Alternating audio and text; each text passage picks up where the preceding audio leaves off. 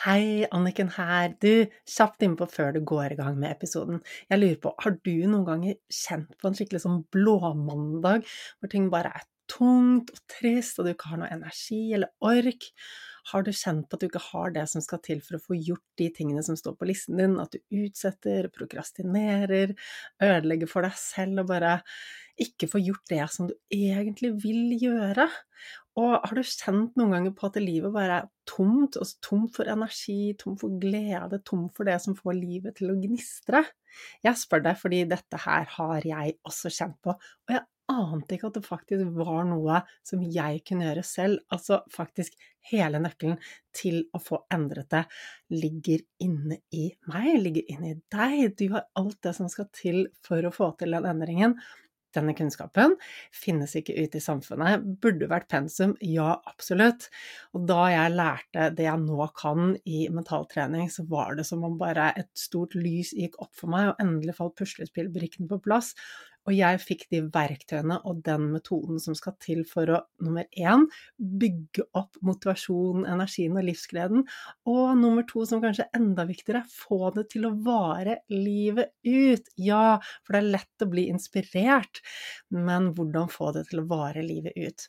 Og alt det her er grunnlaget for at jeg satte meg ned og brukte et helt år av livet mitt på å skrive boken Finn din superkraft, sånn at du også skal få tilgang til de verktøyene. Og det jeg har delt i boken, er ting som ikke er i podkasten. Jeg har ikke delt det på kurset mitt, ikke på sosiale medier. Så det er helt ny kunnskap, nye verktøy og nye lydspor hvis du er en av de som har gått kurs hos meg eller fått noen av lydsporene mine fra før av. I boken får du 16 helt nye lydspor som endrer på tankesettet sitt. Så det jeg skulle fortelle deg om, var at boken nå ligger ute til forhåndssalg. Frem til 1. mai så kan du bestille den på forhåndssalg, og da får du den sendt rett hjem til postkassen din med en gang den er på lager. Og det som er ekstra, ekstra fint med at du bestiller dem på forhåndssalget, og det lærte jeg først nå, siden jeg selvpubliserer og kunne jo ingenting om hva, altså hvordan publiserer man en bok, men nå har jeg skjønt at det, å få solgt mange bøker på forhåndssalget gjør at man lettere kommer inn på boklisten, og den er visst veldig magisk, for når man er der, så er det en stor hjelp. Det gjør at boken får spredd seg til enda flere, enda flere får hørt om det. Og denne boken burde vært pensum, burde vært inne på alle skoler. Altså, hvordan hadde verden sett ut hvis alle hadde verktøykassen for å faktisk bygge opp motivasjon, drivkraft, livsglede, og bare ha det bra, få gjort det du vil, og trives med deg selv? Slippe å være passasjer til følelsene dine når følelsene svinger og du bare er tom og skjønner ikke hvorfor. Altså, denne det er en brukermanual for hjernen som vi alle, alle burde hatt. Så hvis du tenker at øh, jeg kan også ha nytte av noen verktøy som kan holde energien min gående, holde motivasjonen gående, humøret bare rett og slett gjøre at jeg får levd et så mye kulere liv, så ligger det link til boken Finn din superkraft i episodebeskrivelsen. Det er også bare å google Anniken Binds bok, den ligger på Nordli. Og husk på at når du bestiller før 1. mai, så er du faktisk med på å bidra til at enda flere får tak i denne verdifulle kunnskapen. Så du, det var bare det jeg ville dele med deg. Håper du koser deg med episoden. Det er alltid mulig å ha det bedre og få mer ut av livet. Med riktig kunnskap og gode verktøy så kan du også ta livet ditt til neste nivå. Level Up er podkasten for deg som vil ha mer glede, mer energi, mer overskudd, motivasjon og mening, og rett og slett bare ha et bedre liv.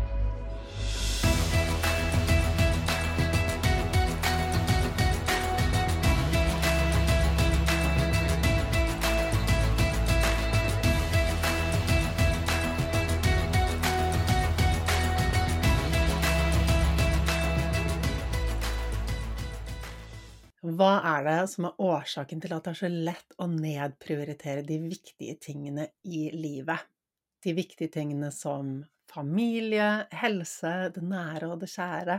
Hvorfor er det så lett å bare jage etter alt det der ute? Prestasjoner, jobb, alle de tingene som bare trekker oss ut. Og hva gjør det med oss når vi jakter på utsiden, når vi jakter etter dopamin, når vi jakter etter anerkjennelse. Hva gjør det med oss når vi ikke tar vare på oss selv, når vi ikke tar vare på familien og de viktige tingene i livet? Hva er det som skjer når du begynner å, som ukens gjest så fint sier det, sette søkelyset på deg selv? Jeg er så heldig å ha med meg Knut Roger Berge Nesdal i denne episoden. For en klok mann, og for en endring han har gått gjennom det siste året, eller de siste par årene. Ehm, jeg vet at innsikten hans har masse å si for deg, og jeg vet at denne episoden her kommer til å bety mye for deg. Så du, det er bare å hoppe inn i episoden og kos deg med den. Hjertelig velkommen til Level Up, Knut Roger. Det er så hyggelig å endelig ha deg med her. Jo, takk det samme. Jeg må si at jeg har gleda meg stort til å møte deg. Og det er veldig hyggelig å bli invitert inn i, i universet ditt. Å, så bra. Jeg har gledet meg masse, jeg også. Og du er altså du, Vi har kommunisert mye. Du har vært en av de som har sendt så mange mailer og delt, og du har så mye på hjertet, så jeg bare nå gleder meg til vi endelig kan sette oss ned og kan høre alt det som kommer inn i hodet ditt. Ja, det er, jo, det, det er, jo, et kreativt hode med masse ideer, masse ting som har skjedd og masse ting som uh, ligger der i den store ryggsekken som vi alle bærer med oss. Og liksom det å, og det å skjønne hva som egentlig skal til for å få struktur på den missing linken i livet, den, uh, det har vært en liten oppdagelse som jeg, jeg syns har vært utrolig spennende. Og, litt, og samtidig litt overraska over hvor hvor lite som skulle til for å få den siste delen på plass. Fokus på plass. Det hadde jeg, hadde jeg bare visst det for 30 år siden. sånn. Og det er litt sånn, Vi strever og strever, og vi har så mange strategier for å prøve liksom få ting til å funke og være bra. Så, så er det som du sier, det er bare, egentlig bare en bitte liten ting, og så plutselig mm. alt. Så Ah, jeg gleder meg til å høre om, eh, om reisen din, Knut Roger. Mm. Men først og fremst, eh, hvem er du? Hva vil du dele med lytterne? Jeg er 55 år. Jeg er bosatt på Sandane i Gloppen kommune. Der sitter jeg og jobber som næringssjef. Jeg har en bakgrunn fra utdanna innenfor reiseliv, godt norsk hotellskole i sin tid. Har drevet som eh, hotelldirektør i ti år, har vært leder av grossist virksomhet i fylket her i ti år. Hatt tre og et halvt år som salg- og markedssjef i en produsent hos med klær, Skogstad. Så har jeg etablert fem firma. Har, to av de har gått konkurs, som tradisjonen tro. Jeg eier i dag to frittstående butikker på Sandane som eh, kona mi og svigerinna mi driver. Eh, ja. Og er over snittet engasjert i det som skjer. Og så nå da sitter ni år som næringssjef i kommunen og får ta tak i alt jeg brenner for, egentlig. Så, et, eh, et, så på en måte kan du si at jeg har samla opp ryggsekken min for å gå inn i den stillinga jeg nå sitter i. For det har vært en litt sånn langsiktig drøm om å sitte i kommunen og jobbe sånn som jeg gjør nå. Åh, så spennende. Altså, du, jeg forstår jo, og det tror jeg lytterne også gjør, at her er det mange jern i ilden. Det er mye engasjement, og det er mye som skjer oppi hodet. Ja, det er klart at når jeg er så aktiv, så har jeg, jeg har jo vært gjennom eh, tre av fire rettsinstanser i landet. Jeg mangler Høyesterett, men det er ikke noe å trakte etter, kanskje. Men, har, men jeg har, jeg har, har landa på beina hver gang. Og det er fordi at jeg har stått så trygt i meg sjøl på og vært sta på det jeg sjøl gjør, og det jeg sjøl har kontroll på.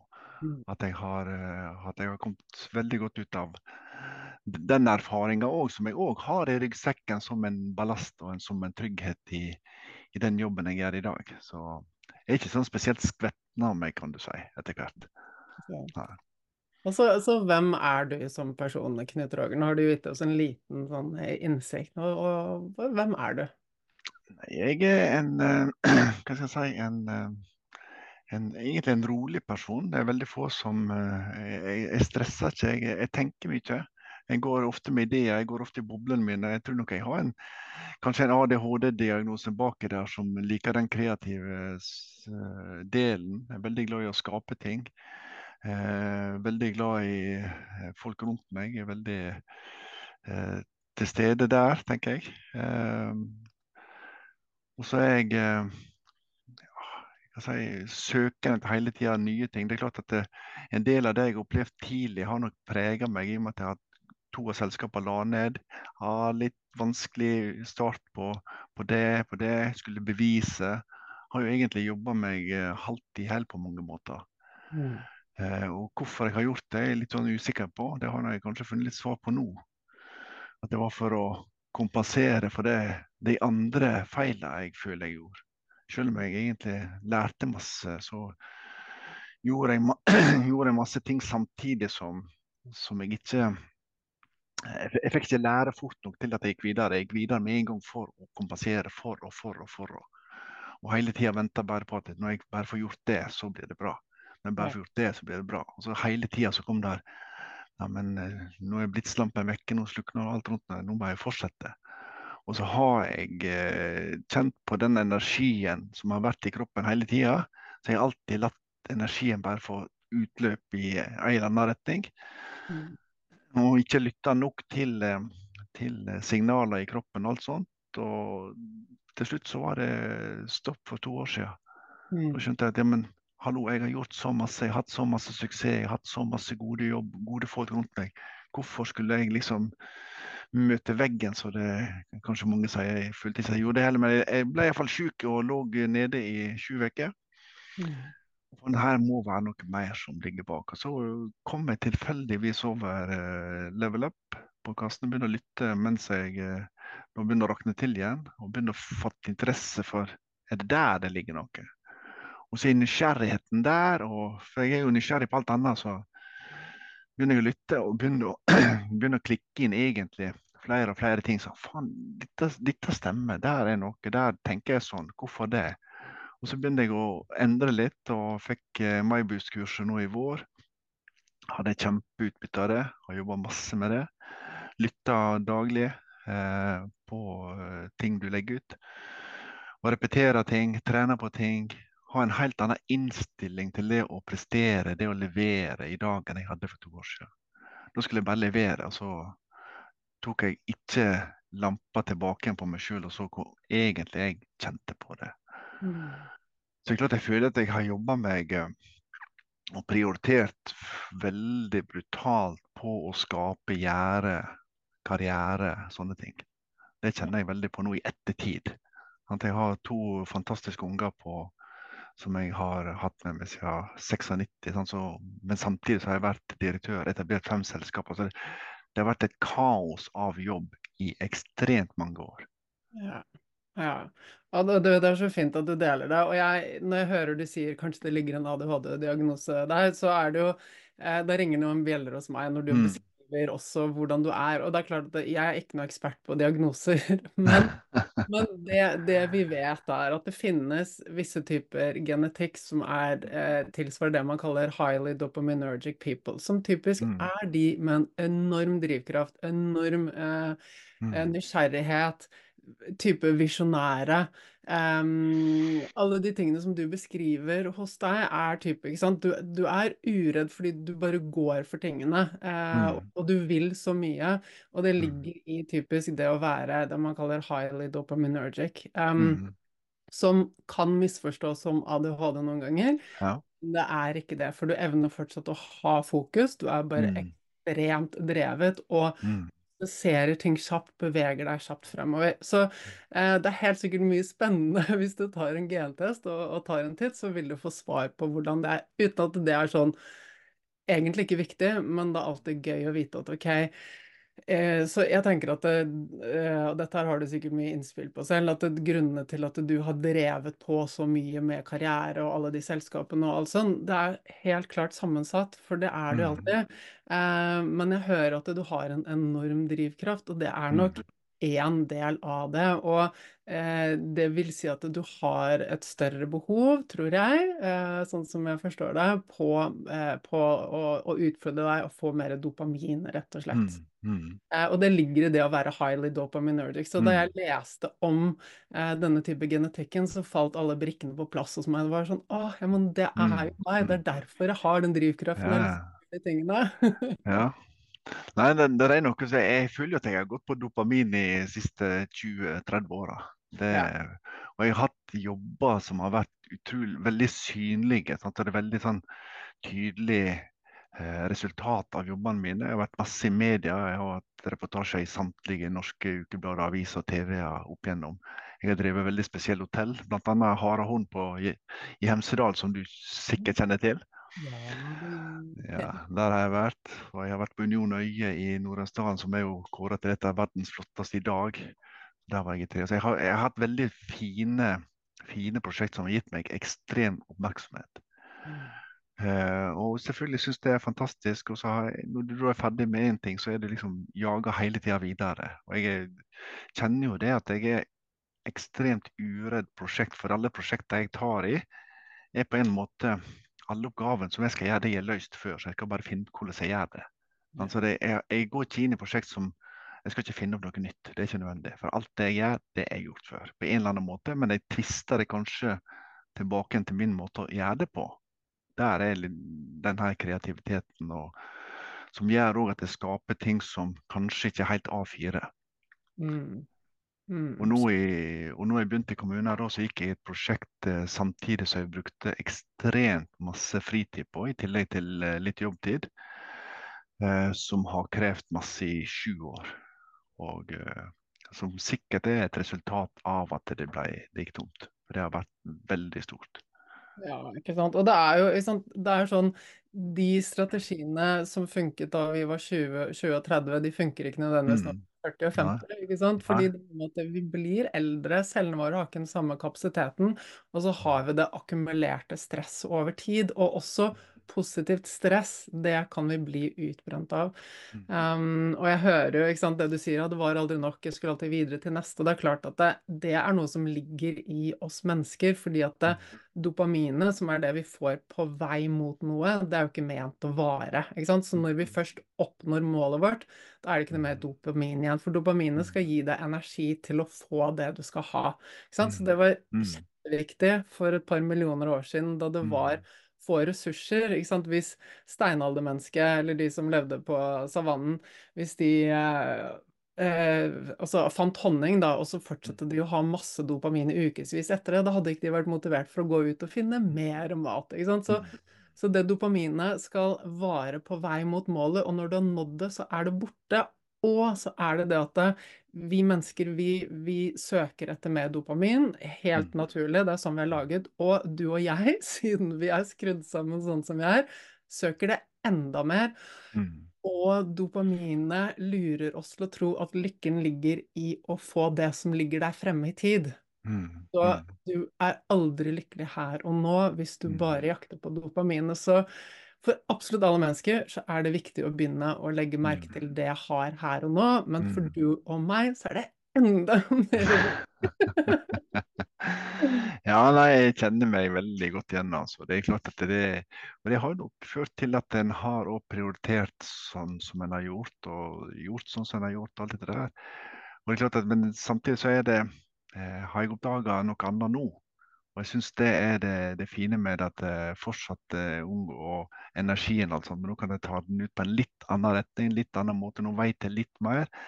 Og stille litt mer spørsmål til meg sjøl når jeg gjør ting, og om jeg vil gjøre ting i det hele tatt. Eller hvordan jeg skal jobbe framover. Så det er klart at det, hverdagen er, har endra seg eh, i mitt hode dramatisk i forhold til hvordan jeg tenkte tidligere. Hvordan da? Fortell. Jeg, jeg, altså jeg, jeg prioriterer annerledes. Nå, nå, er det å prioritere det som betyr mest for meg, og det er de hjemme og familien rundt. Uh, jeg møtte jo kona mi, jeg har en fantastisk kone som jeg møtte da jeg var 16 år gammel. Og oppi alt det her så har vi stått uh, side om side og uh, to barn som er helt fantastiske. Så, så, så, så nå er prioriteringa på det, på det nærmeste på heim og hus og aktiviteter, venner og den delen eh, mye mindre fokus på jobb, prestere den veien alene, som jeg har gjort veldig masse. Nå er det å prestere når andre er klare til å være med. Mm. Så kobler jeg flere på toget, og så sier jeg hvis ikke folk vil være med, så er det ikke noe jeg må gjøre lenger. Mm. Jeg må ingenting. Eh, så da setter jeg prosjektet, og hvis folk er med på det, så tar vi det. Hvis ikke, så blir det ikke noe av. Mm. Så, og den prioriteringa der er helt annerledes. Jeg ser på kosthold og alt dette der som jeg har ja, for 10-15 år siden så var jeg 25 kilo tyngre enn jeg er nå.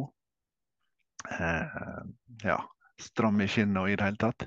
Eh, nå er det prioritering på kosthold, trening, eh, kontinuitet i trening. Eh, Fins ikke dårlig vær, det er ikke en unnskyldning nå for ikke å kle på seg og gå ut. Eh, det er en stor endring. Gå på jobb hver dag. Eh, får 40 minutter indirekte trening med en gang. Eh, står tidlig opp for å trene. Inne i huset, ikke tenk å gå ut, men trener inne. Styrke, tøye, ja, rygg, alt dette her. Um, kaffereduksjon, bare det. Etter jeg begynner å lytte på det, så har jeg gått ned et par liter kaffe for dag. Det hjelper rimelig bra på kroppen. Det å spise innenfor en gitt periode har gitt meg en helt annen uh, hverdag. Begynner med en liter vann og epleeddik. som, uh, så det er liksom Det er disse små, små grepa som bare bevisstgjøring. Det, det, med verdigrunnlaget, gått gjennom det gjennom Maibus-kurset. Få ting ned på papir. Hva er det som er viktig? Mm. Jeg syns denne, denne siste seansen der vi er i kirka, det som er sagt, fantastisk. det du skriver ned og ser på, ser på hva er det du Hvem som er der. altså Hele det bildet der uh, syns jeg var en, uh, en utrolig spennende øvelse. Ja, på slutten av livet, hvis sånn ja, ja. og slett face det. Alle skal dø Alle skal det, ja. Eh, og mm. det å bare ha kjent på hvordan vil det være å mm. være der, og, og, hvordan vil at livet mitt skal ha vært, da, for at det skal mm. være. Noe jeg kan Altså, jeg kan gå bort med fred da, i kroppen, mm. tenker jeg. Ganske, ganske tøft å gå inn i når du ikke var helt forberedt, men utrolig godt etterpå. Sant? Jeg er jo ekstremt glad i musikk og litt sånn rolig ballade, følelsesmessig ting. Og jeg bruker musikk veldig masse jeg, uansett hva jeg gjør. Mm. Um, så jeg hadde noen fine, fine bilder der. Jeg syns det var en, en god øvelse. Mm. Uh, ting også som har forma meg opp igjennom. Jeg har jo en, jeg har en far som er alkoholiker. Mm. Og Det tror jeg har òg sett sine spor i måten å tenke på og eh, måten å være på.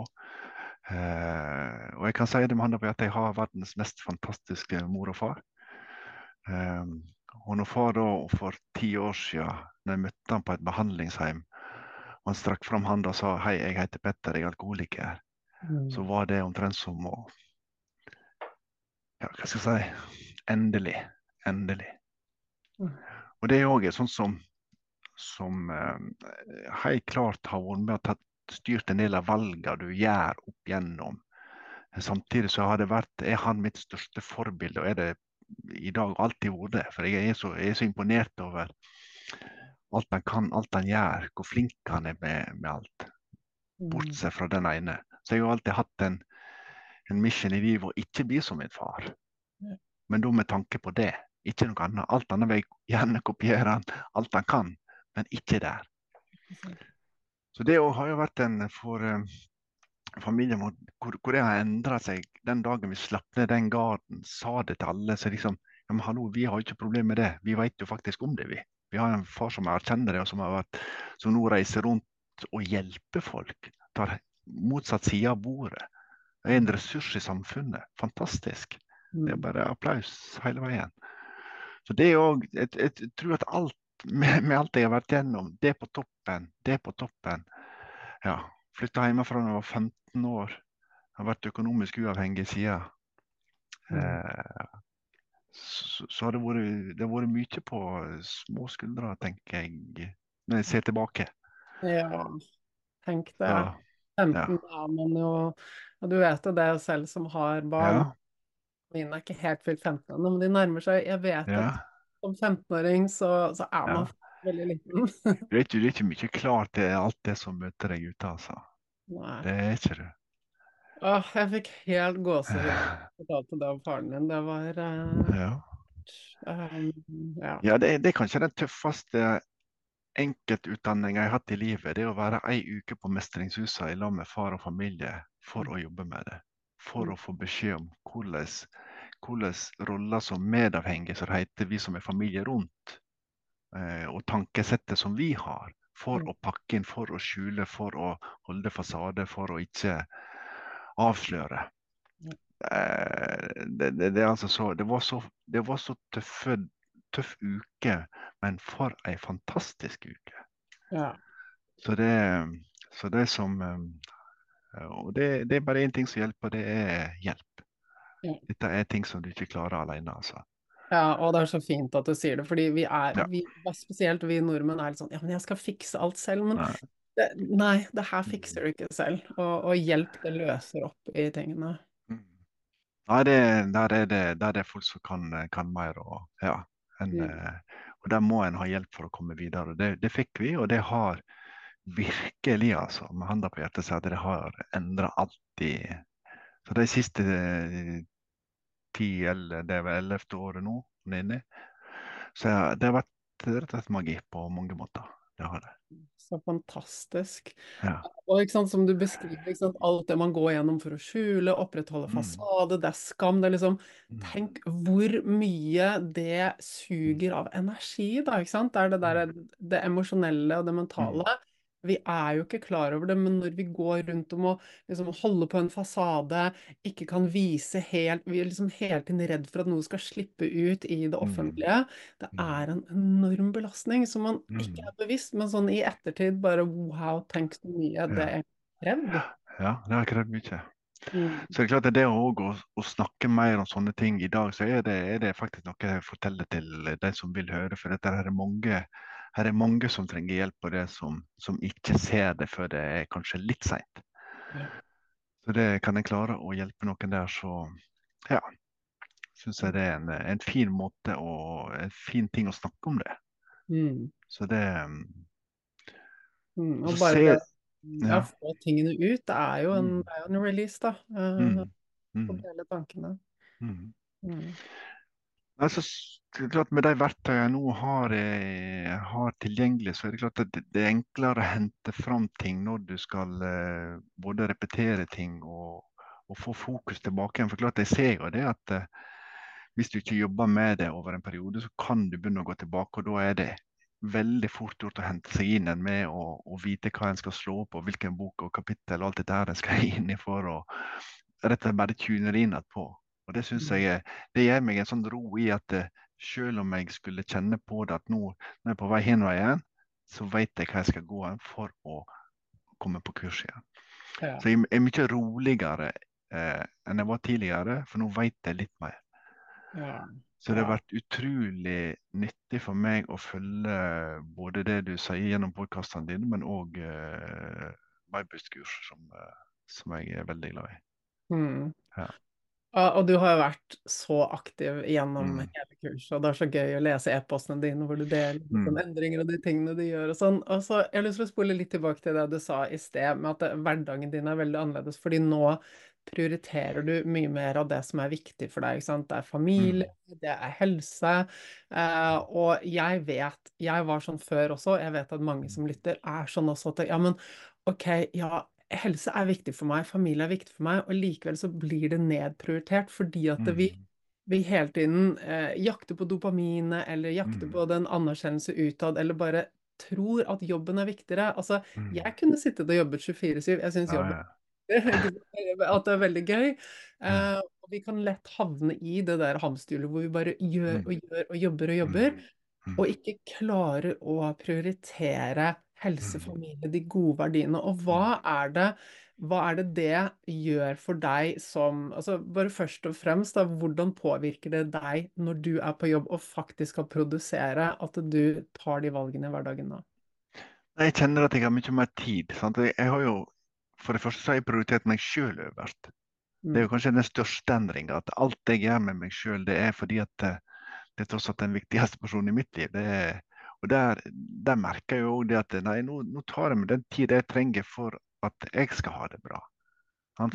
At, og jeg bruker tida når jeg syns det er verdt å bruke tida på. Og jeg ser jo det at jeg har jo Kanskje hadde jeg brukt all den energien jeg har brukt på prosjekt ute, brukt den hjemme, så hadde jeg hatt et, jeg hatt et palass av en uh, hus som hadde vært uh, ja, kreativt og strøkent og alt det her. Så jeg ser jo at når jeg prioriterer annerledes, så blir det, blir det så mye De andre brikkene òg faller på plass når jeg tar tak i de tingene som tidligere så som jeg utsatte for at jeg skal bare gjøre det først. Jeg skal Mm. bare gjøre noe utenfor huset først, før jeg da gjør det, det som angår meg. Så jeg har hele tida prioritert, eller veldig ofte prioritert, andre arbeidsoppgaver som har vært synlige, som folk har Ja, det er dopaminjaget. Mm. Jeg tror det er der kanskje den største wake-up-callen min har vært. For jeg har, ikke, jeg har ikke tenkt i de banene i det hele tatt. Jeg har vært, jeg har ikke vært klar over hvor sterke de drivkreftene har vært. Eh, ja. Så, så nå er det sånn at nå, nå styrer jeg tida mye mer tydelig. Og er mye mer bevisst på hva jeg bruker tida mi på, og hvordan eh, jeg vil ha det med de nærmeste rundt meg. Som tross alt, som jeg nå har funnet, er, er jo det viktigste i livet. Det er det Ja, det er det som må fungere. Åh, Ja. La meg høre det, for det er det som er det viktigste. Ja, ja. er det også det som er lettest å nedprioritere, ikke sant? ja. Forhold til partner, Mm, barna kan, de kan liksom se Mm. litt på barne-TV, mens jeg bare Mm. går og gjør noe annet. Det er sånn, det er sånn, små valg vi tar i hverdagen. Så, så hvis vi ikke er liksom bevisst og bestemmer oss for at det, dette er viktig, så kommer det Mm. til å skli ut fordi vi jakter dopamin, vi jakter anerkjennelse, alt som er på utsiden, det blir så mye viktigere. Og når du nå sant, beskriver hvordan du prioriterer familie og de gode tingene eh, hjemme, Mm. Det har jo en så fantastisk påvirkning på hele det. For jobb og, og privatliv henger jo sammen. Hvis det Mm. skurer og går på, privat, på privaten, så går det jo også utover energien og fokuset ellers, Mm. ikke sant? Og selvfølelsen vår, hvordan vi liksom Alt henger sammen. Så Mm. ja, jeg er så veldig glad for å høre det. Ja, nei, men det, det henger sammen. Og jeg, vi har jo hatt et eh, Jeg har en fantastisk eh, familie rundt meg og alt sånt. Og det skulle bare mangle at jeg ikke hadde fått kanskje enda mer oppmerksomhet eh, tidligere. Mm. Mm. Og så er det aldri at- for sent. Nei, det er aldri for sent, og det, det er jeg veldig glad for. At det er aldri for sent å eh, ta tak i og, og endre og, og gjøre det som en ser tidligere så, nå gjør jeg det. Sant? Så det her er òg lista med bare. Sant? Det å ta tak i ting med en gang. Sant? Siste, jeg har vært flink til det i enkelte faser, men enkelte ting har du utsatt. Men nå er det, nå er det å gjøre det med en gang ferdig. Ja. Så den òg Den visualiseringa der òg var veldig, veldig god. Ja. Så nå er det, nå får jeg gjort ting med en gang. Jeg utsetter ikke noe. Alt jeg ser jeg kan gjøre, gjør jeg med en gang ferdig. Så det er òg en, eh, en fin sånn Så blir det, kjenner du på det etterpå. Sant? Det, er, sånne små ting og sånn ah, Jeg ser det, utsetter det. Ser det, utsetter det. Altså, for det er, ikke, det er ikke kritisk, nei, jeg ser det, men nå bare gjør jeg det. For jeg ser at det Ja, og så tror jeg da at eh, når du begynner å gjøre de små tingene, så gjør det deg veldig glad. Stemmer det? mm, gjør det. Fordi det det er er så tilfredsstillende. Ja. Og da blir det lett å fortsette. Og eh, kan vi ikke gå litt inn i den, den helsereisen du har hatt i det siste? For det du beskriver, er at du har gjort masse endringer både i forhold til liksom kosthold og andre vaner. Mm. Um, trening, kaffe, alt det der. Og for noen som lytter, så kan det kanskje høres litt sånn Å nei, det høres slitsomt ut, da trenger jeg masse viljestyrke for å få til alt dette. Hva, hva tenker du om det? Altså det, det, det, det, trenger, trenger nesten ikke noe av det, egentlig. Fordi at det er En gjør det i hverdagen, men en er ikke bevisst på hva en gjør. Det er egentlig bare den bevisstgjøringa jeg tenker som er, som er viktig. Og jeg det, det er lett å si nei til ting, og så er det lett å si ja innimellom til småting. Så, så det er ikke, det er ikke enten-eller, det er bare å begrense det. Så i stedet for å ta det helt vekk, begrense det. Det er jo det det går i. Du ser jo på flere nå som legger om litt eh, kursen med både mat og drikke i mange programserier. Du ser jo effekten av det. Så det handler egentlig bare om å komme over den her eh, eh, Hva skal jeg si eh, Lysta til å fortsette sånn som du alltid har gjort. At jeg slutta med å snuse. Jeg, hadde jeg putta jo snus i, i munnen eh, fra jeg sto opp til jeg la meg i mange herrens år, altså. Mm. Jeg klarte å slutte. Begynte igjen etter tre måneder, for at nå har jo jeg full kontroll, så jeg skulle bare ta én eller to eller tre eller fire. Havna jeg på, på det kjøret igjen. Og så, til slutt så gikk jeg over til, eh, til tyggis, til jeg hadde så vondt i kjevene av å tygge tyggis at jeg måtte slutte med det òg. det blir bare for dumt. Sant? Det er bare å bestemme seg. Slutt. Og så gjorde jeg det, og så var det, var det så enkelt. Jeg slutta. Men selvfølgelig, du skal, jo gjennom, du skal jo gå gjennom den her måneden med abstinenser og være litt sur og grinete. Men det er bare den måneden av et 50 år igjen i livet, eller 40. Så er det, er det ikke så store innsatsen du skal gjøre for å få et liv som, som er enda bedre. Ja? Så det handler jo om å bare bestemme seg. og det, det er lett å finne unnskyldninger, men det er òg lett å gjøre hvis du, hvis du vil det. altså. Ja. Så nå er det egentlig bare å, å teste. Jeg går ikke verken på noen slankekur eller noe, men det er bare at eh, kombinasjonen av de små grepene gir resultat. Og det er ikke ett resultat som gir alle resultater, det er flere små ting som henger sammen. Um, og dette med, med kaffe og sånt òg, i, i stedet for å supe kaffe, så drikker jeg heller andre ting, eller te eller vann, eller ikke noe i det hele tatt. Mm. Um, så det, det, det, det handler egentlig mer om mange små ting enn én stor ting. Men det med trening har jo selvfølgelig vært Syns jeg er veldig spennende. Jeg, vi bor jo i kanskje verdens herligste område i Gloppen, der vi har et så høyt tilbud av aktiviteter at vi, du skal være kreativ for å kjede deg, liksom.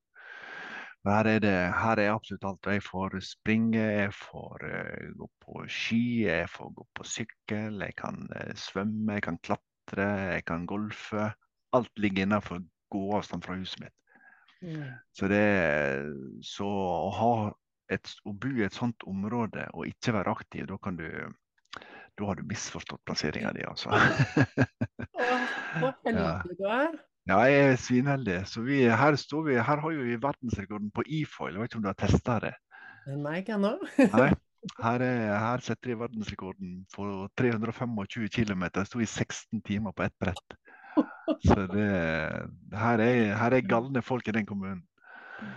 Så de, de driver, Jeg sitter og ser på fra kontoret så sitter jeg og ser på fjorden der de driver og leker seg. Så, det, så, det, så du bør ta deg en tur eh, opp her bare for å sjekke ut eh, Ja. Det får. For, dette her har vært, eh, for deg som og en familie som er så aktiv, så er dette her en, en vugge med eh, aktivitet, altså. Åh, det det- høres så bra ut. Jeg, jeg har jo ofte sagt til mannen min at eh, kan vi ikke bare flytte til liksom, et eller annet sted på Vestlandet hvor det er liksom eh, mer bølger, mer fjell? Og Ja. han, han er veldig knyttet til byen. Vi, og vi driver jo nå og planlegger Nordens første bølgeanlegg på land for surfing. Oi, oi, oi. Det er faktisk, det er faktisk en greie. Så det, det har vi jobbet med. Ja. Og så selger jo jeg kommunale hustomter, så det òg skal jeg ordne. Ja. Nydelig. Ja, altså jeg eh, Altså, det, jeg trives jo best i Mm. naturen hvor jeg har nærhet til aktiviteter. og Det er sånn jeg elsker å gjøre aktiviteter. Eh, og hvis terskelen blir veldig stor, hvis man må kjøre mange timer og drive masse mekk, så er det ikke like lett å få til i hverdagen. Og jeg er sånn, jeg bor i Oslo. Jeg Mm. bruker jo ikke noe kulturtilbud i Oslo. Jeg er ikke interessert engang. Og nå har jeg familien min, foreldrene mine, søsteren søster, tanter, onkler, kusiner, og, og mannen min har jobben sin her, så da, da bor vi Mm. her. Mm, mm. Nei, vi har alt liggende rett rundt der. Det er klart at det å bruke naturen sånn som jeg gjør nå, og aktivitetene, variasjonene, eh, er, påfyll eh, veldig. Gå på jobb hver dag, lytter, lytter til en av podkastene på vei til jobb, tar fri på vei hjem, men du har ikke propp i ørene. Da går jeg bare og sanser det som er der, for å spare hodet til en hel dag. Sånn at en prøver å logge av. Det å redusere skjermtid, det òg har jo vært en eh, herregud etter du sa det med det kvarteret og eh, to uker sammenhengende i løpet av et år, så det så har vi tid, altså. Det, det går ikke an å si noe annet. Ja, det, og hva har det gjort med deg? Altså alle de endringene, spesielt dette med å bli mer bevisst skjermvanene dine, hva har det gitt deg i livet ditt? det har gitt meg mye mer tid. Ja. Ja, mye mer tilstedeværelse. Sant? Altså, tilstedeværelse er vel kanskje det som jeg har eh, merker noe jeg begynner å endre seg. Nå kan jeg gå hjemme hvis jeg er alene hjemme, så trenger jeg ikke å slå på TV-en eller noe. At jeg, jeg kan eh, gjøre andre ting. Mm. Så det er klart at det- det òg er jo Jeg ser ikke at jeg, jeg, jeg klarer ikke å slå av alt dag én, men kurva går nedover. Eh, mindre og mindre skjermtid. Eh, mindre og mindre fokus på det, og heller hente hodet og, og gjøre andre ting. Mm. Så, så det òg er jo en del av de små tinga som du kan endre. Ja. Som gir deg så mye mer handlerom og så mye mer av det du ellers ville hatt. Ja! Ja. Og så vet jo jeg da, ikke sant, at når vi eh, driver og distraherer oss med eh, TV, Netflix, sosiale Mm. medier og sånn, så er det eh, Ofte så handler det om at du bare er ubevisst og det er, en, det er en dårlig vane, men for mange så handler det også om at det er en distraksjon fra et Mm. liv de ikke trives med, eller fra Mm. tanker og følelser som de Mm. ikke trives med. At det, Mm. fordi vi er, vi er programmert til å komme oss bort fra det ubehagelige og Mm. mot behag. Vi, Mm. eh, dopamin, det er jo behag, ikke sant? Sosiale medier har dopamin, Netflix har Ja, ja, dopamin. ja. Så helt ubevisst så vil vi jo søke til det hvis vi Mm. ikke har det fint på innsiden. Og når Mm. du sier at nå kan jeg bare gå hjemme uten å skru på TV-en og sånn, så blir jeg, Mm. jeg blir så glad. Jeg er også sånn, jeg elsker å være i mitt eget hode. Jeg kan bare liksom bare sitte der og være i mitt eget Mm. hode. Det er liksom, det er som om det er en blomstereng inni hodet. Mm. Det er Ja. det deilig, og da er ikke behovet der for å liksom måtte sitte på telefonen hele tiden. Hva tenker du om det? Nei, men det er, det er helt sant. altså. Det er bare at eh, en har ikke tenkt i de banene. En har ikke vært, har ikke vært villig til å se konsekvensene av den tidsbruken. En har ikke erkjent tidsbruken. En har bare pakka det inn. og Det er liksom begrensa hvor mange ganger du trenger å lese en eh, eh, lese en, uh, et, eh, en avis, eller hva det enn er. Det med jobb er jo ekstremt opptatt av jobb og har jo hatt med meg eh, mailen hjem igjen på kvelder, alt mulig. Men nå, nå slår jeg det av, rett og slett, og kobler av til jeg er på kontoret klokka åtte dagen etterpå. Det er ingenting av det jeg driver med som haster så vanvittig. Ingen verdens ting. Ja. Det er så fantastisk å høre. Og så vet jeg, for jeg er også sånn liksom på kvelden jeg, jeg sjekker ikke noe mail, det er ikke noe jobb på kvelden. Og så noen ganger kan det være sånn Kanskje hvis barna gjør noe annet, eller sånn Nå har jeg tid. Og så ligger telefonen der, så er det sånn Kanskje jeg bare ja. ja. bare, Nei, nei, nei. Ja. Jeg er veldig sånn streng med at det, det er nulltoleranse. Jeg går ikke inn på mail eller jobb på kvelden. Ja. Det bare nei, det skal ikke jeg si at jeg gjør. Altså, jeg, satt senest i går kveld i en telefonsamtale klokka ni med det som var jobbrelatert. Men det er unntaket og ikke regelen. Det er sånn at det går an å ha, ha unntaket og uh, innimellom, uten at en skal bli hysterisk av det. Og Så- det er jeg helt enig i. Ja. Det er sånn, har man har du ikke sant, Tenk på det som 80-20-regelen. da, Mm, ja. At du de fleste av dagene har du så gode rutiner. Da har du også mentalt og energetisk råd Mm. til å ta en kveld hvor du gjør noe. Og jeg, jeg, jeg har jo kvelder hvor jeg holder livesendinger, Mm, så mm. det er ikke det at jeg er helt, helt off. Um, men det handler bare om å være bevisst. Da, sånn, mm. Hva vil jeg bruke tiden min på? Hvor Mm. viktig er det å gå inn på e-posten og sjekke om det er noen nye e-poster nå? Ja. Som du allikevel må svare. Jeg svarer i morgen. Ja, Nei, så, så, så det handler om å ta Og jeg ser jo det at det, tida det tar å implementere nye vaner, det er der jeg tror folk gir opp litt for lett. For det tar lengre tid enn det folk er klar over. Så det å, det å stå i det, det å holde ut eh, og, repetere på det, og, og gjerne ta det opp igjen med jevne mellomrom, for det tar lang tid, altså. Men samtidig så er det er du på vei mot noe som, som gir deg et, eh, en bedre, et bedre liv. Så, Mm. og hvis du har deg sjøl som jeg har, som den viktigste personen i ditt liv, så vil jeg selvfølgelig ha det så optimalt som mulig. Ja. Jeg dropper ikke, jeg dropper ikke meg sjøl lenger, som jeg har gjort altfor lenge. Så hva tenker du er årsaken til at du droppet deg selv så lenge, Knut Roger? Nei, det er fordi at jeg var så opptatt av hva alle andre syns at det å, skulle prestere. Altså, når du har lagt ned to selskap og sånne ting, så, så føler jeg at jeg bor på en liten plass. Bygdedyr og alt sånt, jantelov og alt dette her. Jeg har vært et kjempeoffer for det, føler jeg. Sjøl iallfall. Mm. Eh, så en har liksom hele tida Nei, nå skal jeg vise, nei, nå skal jeg vise, nei, nå skal jeg vise. Så har du liksom jobba så inn i hampen med alt mulig at det er rett og slett bare for at eh, Nei, dette her som jeg skjedde, det var bare en glipp. Nå skal jeg vise. Mm. Og så nok, har nok det vært ei ja, både bevisst og ubevisst drivkraft i det. Eh, men det er ikke jeg Den, den tidsbruken og den, det trykket og det, den, eh, det å ta på seg det ansvaret, den risikoen, det er ikke jeg villig til lenger. Og det, og det at jeg kom inn i det offentlige òg, sånn som jeg sitter her og sitter her i ni år, fra privat næringsliv, og med det tempoet jeg hadde, så er det klart jeg møtte jo, jeg møtte jo noen utfordringer òg der ting er litt mer satt, litt mer langsiktig, litt mer transparent, litt mer Så det er klart jeg har jo lært eh, noen kjøreregler i det offentlige systemet òg etter hvert, som òg selvfølgelig har vært med å, å påvirke meg. For at jeg har tatt, eh, tatt beslutninger og tatt, eh, gjort ting som i det offentlige kanskje kunne vært på en annen måte. Mer involvering, mer det. Nei, sånn, sånn, sånn, sånn, sånn, så er vi ferdig. Mm. Så det er klart at jeg har nok tatt på meg um, masse ballast der også, som jeg ikke hadde hatt behov for å gjøre. Hvis jeg hadde bare utsatt det og dratt denne tidslinja litt lenger. Mm. Og det er òg en erfaring som en, en gjør i, når en kommer inn i nye ting. Mm.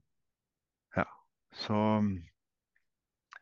så egentlig så har eh, den mentaltreninga, den her siste, siste bakketoppen som jeg må få med meg i, i livet, som jeg må ha med meg som en, en, en kjøreregel, har du nær sagt.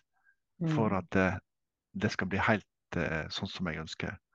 Og det er egentlig ikke de store ting, men det er de små ting. Og jeg, har- jeg har sagt òg i mange anledninger at jeg tror de store opplevelsene i framtida er de små.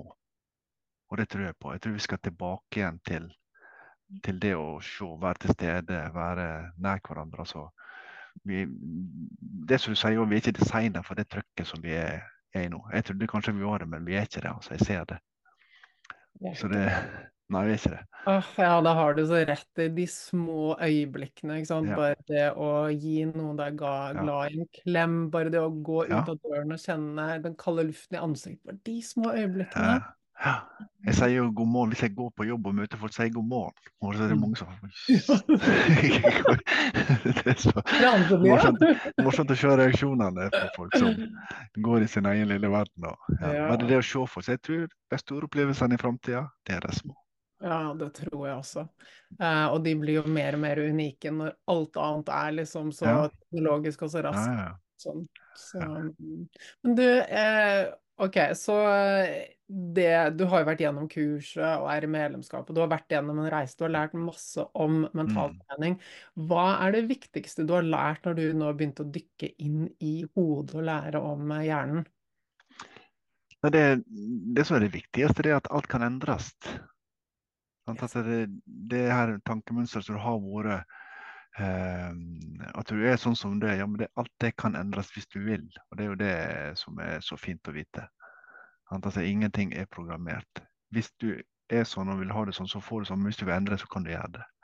Altså, og det oppdager en helt ny verden. Ja, men jeg, jeg vil ikke ha det sånn. Ja, men da går jeg inn og så jobber jeg med det funktet. Jeg vil ikke ha det sånn. Jeg vil ha det sånn. Dette vil jeg fortsette med. Så gjør det det. Så det er jo den, den her muligheten for at du sjøl påvirker hvordan du sjøl både har det, er, opplever verden rundt deg. Det er jo det sånn Jøss, var det så enkelt at jeg svarte at jeg ikke visste det, da.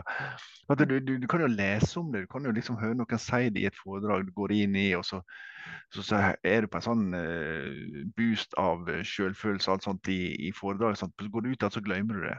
Men hvis du, sånn som jeg gjorde her, til, var nysgjerrig på hva du hadde mer i å komme med, og begynne å sette meg inn i tankesettet, lese disse fine tingene du ligger på Instagram, alt disse små setningene som Ja, det er, der er noe der. Der Mm. er noe som trigger meg. Så begynner jeg å dykke dypere og dypere i det. Og ut hva her er noe som jeg faktisk ikke har i livet, som jeg mangler, som jeg ønsker å ta i bruk. Og så kan jeg lytte på tusenvis av sånne, men jeg har ikke lyst til å lytte på tusenvis. Jeg har lyst til å konsentrere meg om det som jeg ser fungerer. Og så kan de andre få lytte på andre ting hvis det fungerer for dem. Men her har jeg funnet noe som jeg, eh, som jeg er veldig, veldig fornøyd med. Både måten du kommuniserer det på, oppbyggingen. Jeg er veldig glad du ikke er verken reklamefinansiert eller noe. Det betyr mye. Altså, du, du er så heil ved. Og det, det skal du ha. Altså. Det, det står stor respekt av den jobben du og dine gjør. Så det er jeg veldig takknemlig for. Og så det med, takknem, det med takknemlighet òg. Ja, det å stå opp hver dag og si tusen takk. Fantastisk.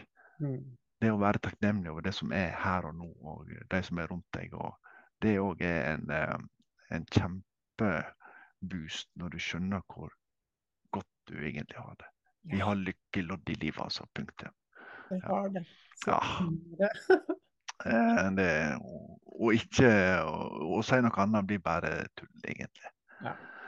Og det er det å, å bare huske på det. Fordi Ja. vi vet at hjernen vår den vandrer jo til problemene og alt det som er dumt i Mm. livet vårt. Og så bare Mm. OK, men vent litt, hvordan vil jeg egentlig ha det? Jeg vil ha Mm. det bra. OK, skal jeg fortsette å fokusere på de tingene som begrenser meg, eller skal jeg bare legge merke til alt det fantastiske jeg har i livet ja, ja. Og det er jo, det, det er jo en kjempeopplevelse å føle at ah, det er så godt å både kunne si det og vise det og være mer til stede og alt det som en nå er, fordi en er tak takknemlig. Mm. Eh, så kommer jo alle disse her endringene videre, tenker jeg. Eh, fortsette. Ikke, skal, ikke gjøre alt og ikke mestre alt dag én, men det å gå inn i ting, eh, gjøre det delvis, sette seg inn i det. For det, som jeg sa litt tidligere, at alt jeg skal gjøre i livet, det er, det er noen som har gjort før. Så jeg skal bare finne ut hvordan jeg gjorde det. Og det er alltid fra ah, Det kan være en programvare jeg har lyst til å lære meg mer om for å bli bedre. Jeg eh, utdanner meg videre med små kurs, må drypp, mer påfyll av kompetanse, kunnskap. Jobber jeg mye med. Eh, men det er de, det, er de små tingene egentlig som gir meg så utrolig masse fine verktøy som jeg kan bruke når jeg trenger dem. Jeg skal Mm. gå og huske på dem hver dag, men når jeg trenger dem, så vet jeg at det, jeg vet hva jeg finner dem. Ja, du vet hva bøker som står i bokhylla, det er litt godt å vite. Veldig bra. Og hva, Mm. hvor, går veien videre for deg nå, sånn med tanke på det mentale, og hva er, hva er liksom din, din visjon fremover? Nei, jeg eh, er ikke opptatt av å gjøre mest mulig, jeg er opptatt av å gjøre det som skal til for å, å finne ut av det. Altså, jeg syns jeg er på vei til å, å bli sånn som jeg ønsker. Mm. Eh, tenke sånn som jeg ønsker. Eh, og nå vet jeg hva jeg kan begrense, hva jeg kan legge trykke gasspedal inn på. Jeg vet tid jeg kan slappe av og regenerere motoren.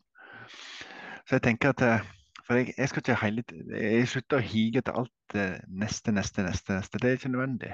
For det Mm. kommer til et punkt der jeg, eh, jeg skal gjøre mer av det jeg gjør. Jeg skal fortsette å gjøre det jeg gjør. Jeg skal ikke koble på nye ting sånn at denne lista blir for lang. Jeg vil heller ha en kort liste som jeg gjennomfører, enn en lang liste som jeg ser på. Så jeg vil ikke ha, jeg vil ikke ha presset på den måten. Jeg gjør ting i mitt tempo. og Hvis ikke noen aksepterer, så er det helt, helt fint. Jeg, eh, jeg, vet hva jeg, jeg vet hva jeg leverer når jeg leverer, og jeg vet hva jeg er i stand til å gjøre når jeg gjør. Så hvis Ikke folk vil vente på meg, så vil ikke jeg rushe for dem. Åh, det er så viktig det du sier. Også, ikke sant, bare sånn for de lytterne kan liksom se for seg dette. Hvis du har en lang to do-liste som du bare Mm. Du kommer aldri gjennom den. Mm. Eh, så ja, du kan jobbe mye med hvordan du ser på den listen og deg selv i forhold til den, men Mm. hvordan er det når du har en kort liste og du kommer gjennom den? Mm. Ikke sant? Det Er Ja, ikke ja. det deilig? Ja. Det er jo fantastisk. Og så må, må jo folk akseptere. Sant? Altså, både jeg må akseptere at jeg ikke gjør alt Ja. like fort som jeg tidligere, og folk må akseptere at eh, jeg ikke bruker like mye tid som jeg ville gjort vanligvis. Så det òg er jo en sånn ting. Ja, men, eh, du, du, får, du skal få lov å mene det, men sånn er det. Hvis jeg skal være med, så er det på den måten her. Og hvis ikke, så er jeg ikke med. Så det syns jeg er fantastisk. Bare vite at det, nei, jeg står så stødig i de valgene jeg tar. Mm.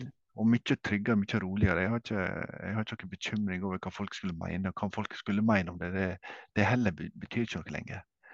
Fantastisk. Så det, det er kanskje det største aha-opplevelsen. kan jeg si. Men du er jo, du er jo litt treg som ikke har skjønt dette før. Nei, nei, men jeg tror ikke det er så fryktelig mange som har skjønt det før. heller. Altså, det, det det, nei, det er ikke det, altså. Så jeg har snakket med alle, og det er den Det, her ligger i alle, Ja.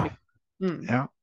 Og det òg å være litt både sårbar og litt klønete og litt uh, forfengelig. Altså det er jo forfengeligheten som, uh, som en òg eh, Og det å innrømme at men nå er jeg litt usikker, nå er jeg litt på tynn is her. Hva, hva var dette her nå igjen? Mm. Så Og du, når du nå, eh, sant, du, du, du, du skjønner mye mer av hva det vil si å Mm. være menneske, og de tankene du har hatt før, de vet du også at alle andre har. Eh, hvis vi kan generalisere litt. Eh, fordi alle mennesker har de på et eller annet nivå. Hva gjør det med deg når du møter andre mennesker, og du kan se dem på en annen måte og forstå dem på en annen måte?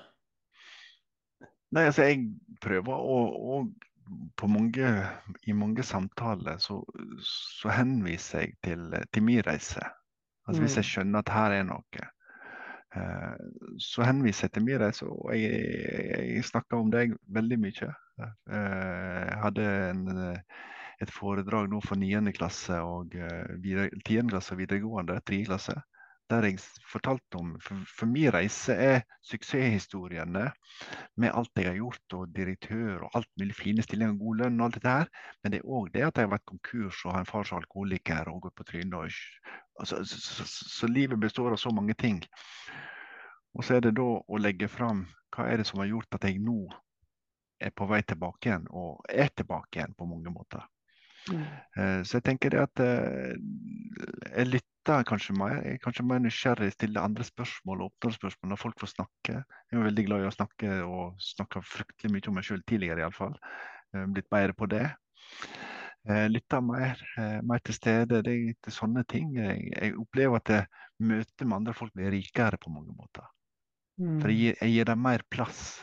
Det som jeg setter av tid til, gir dem mer plass. Og de som, jeg, de som, har tatt energien min tidligere, de har gått gjennom den lista, de er, de er, ikke der på samme måte. De er der, men de er på en helt annen måte. Ja. Så det å kjenne jeg på er fantastisk, egentlig. Å bare ha, ha laga seg den, den erfaringa, den, den uh, ringen rundt meg. Ja, magisk. OK, Knut Roger, jeg har lyst til å spørre deg et spørsmål. Mm. Eh, og dette er ikke mitt spørsmål, det er lånt det fra Anja Hammerseng Edin, og jeg syns mm. det er så fint. Så hva er det du ikke kan forlate denne verden uten å ha gjort? Uh, ja, det var et stort spørsmål. det, uh, nei, jeg tenker det at um, jeg kan ikke forlate verden uten å ha endra meg sånn som jeg holder på. Altså, jeg, har, jeg, kan ikke forlate verden uten å bli den jeg er. Mm. Wow. Det tror jeg jeg skal si. Ja. Det er helt magisk. Ja. Og jeg tenker jo at eh, det vi gjør med å utvikle oss selv, endre oss selv, bli en bedre versjon av oss selv, det er det beste det er det. bidraget. Ja. Det er det beste bidraget vi kan gi til verden. Mm. Um, det gjør noe, gjør noe, med alle de menneskene du har rundt mm. deg, og den, den gode påvirkningen du har, den vil bare spre seg og spre seg og mm. spre seg. Um, ja, jeg tror det. Jeg tenker, jeg tenker, også at det, meningen med livet i stor grad er at vi skal utvikle oss, rett og slett. Mm. Mm. Mm. Blir den beste versjonen av oss sjøl, så det er litt sånn floskelheite. Men men det er det det handler om. altså Så lenge du du går med en, et kostyme på deg, så er det, er det, er det bare en rolle som tar slutt en dag. Mm. Mm. Mens livet det kan du leve så lenge du, du er til stede i det. Og, og, det kjenner jeg er en fin en, Og det er en liten oppgave, samtidig som det er en fantastisk stor oppgave. For det er bare én person som skal forholde meg til det meg sjøl. Mm. Og det må alle klare, hvis de da vil. Så jeg tror det viktigste en gjør, det er å, å, å bli den personen som en uh, har lyst til å bli. Ja. Og så har vi ja. Jeg blir veldig glad for å høre at du sier det. ja. ja. Nei, men der er, der er mye i det. Altså det er, mm. og det har vært en, eh, en så wake-up call siste, siste to åra. Det, det, har det. Det, ja, i har iallfall og, og det tror jeg det, det Min yngste sønn sa det på pappa. Du du er blitt en annen. Du er blitt, eh, og blitt nærmere. Altså de, de, de, sier det, de oppdager det. det ja, det er fantastisk. Det, jeg, elsker, jeg, elsker, de endringene. Jeg kjenner det òg på at det er bedre på alle måter når, når det var på plass. Mm. Så jeg trodde jo, som jeg har sagt, jeg trodde jo det var andre ting som var viktig i livet òg, men det er totalt viktig. Bortsett mm. fra det jeg nå holder på med. Mm. Så det er ja. ja. Så jeg, eh, vi kommer til å møtes igjen, det er jeg helt sikker på. Jeg, vi kommer til å, jeg kommer til å lytte, og jeg, eh, jeg, kommer til å engasjere meg i det. Jeg kommer til å fortelle om det. Jeg kommer til å hjelpe de som kanskje trenger å høre om det. De skal få høre om det. Så, det, så den eh, mentaltreninga det kommer jeg til å fortsette med livet ut, tror jeg. Det er en livsstil. Det er det. Ja, det, det er en sånn til, men det er livsstil, og det er, en, eh, og det er en god stund igjen, så jeg har masse spennende i vente. Ja. Masse, masse, masse. Å, så gøy. Du, for en fin samtale. Er det noe som på tampen her hvor du tenker at det her må jeg bare få dele med lytterne, eller føler du at du har dekket det meste? Nei, jeg vil bare si til folk at det, er de små tingene som gjør de store endringene. Mm. Og hvis du begynner på å sette lyset på deg sjøl igjen og, og, blir, eh, og får ta tak i de tingene, det er det, det er der du må begynne. Og det, det tror jeg er, er mange som, som eh, kunne med fordel gjort. Sette den livsregnet tilbake igjen. Hvem er jeg, og hvorfor er jeg sånn? Og i det hele tatt. Gjøre den jobben som må gjøres. Det er ingen quick fix, som du sier. Det, det, er hardt arbeid, det er over tid, og det er Ja. Men det er en utrolig spennende ting å dykke inn i. Ja. Det er det. Å du, altså, for en fin samtale, Knut Roger. Tusen takk for at du tok deg tid til å være med, og jeg vet at det er storm på vei eh, utenfor huset ditt. ja, det er på vei. Vi venter ikke time ennå, men det er på vei. Ja. Du, dette har vært en, eh, en, fantastisk fin samtale. Jeg, synes det. jeg gleder meg veldig til å dele med, det, med deg og møte deg. Så det, ja. Jeg tar lytta i mange år på det du har å si og formidle, som er gull. Det er det. Glad for det, altså. Ja. Du, Mm. tusen takk, Knut Roger. Bare hyggelig. Altså, jeg satt med mye gåsehud gjennom denne episoden. For en klok mann, for en reise han har hatt, og så mye verdifull innsikt. Jeg håper at du tar med deg noen av de gullkornene, at det kanskje var et par mynter som datt ned. Du vet at det, kanskje jeg har sagt ting ti ganger før, og du hørte jeg si det igjen og igjen. Og plutselig, når du nå hørte Knut Roger si det, ah, så datt mynten ned for deg, og du skjønte virkelig hvor viktig det var.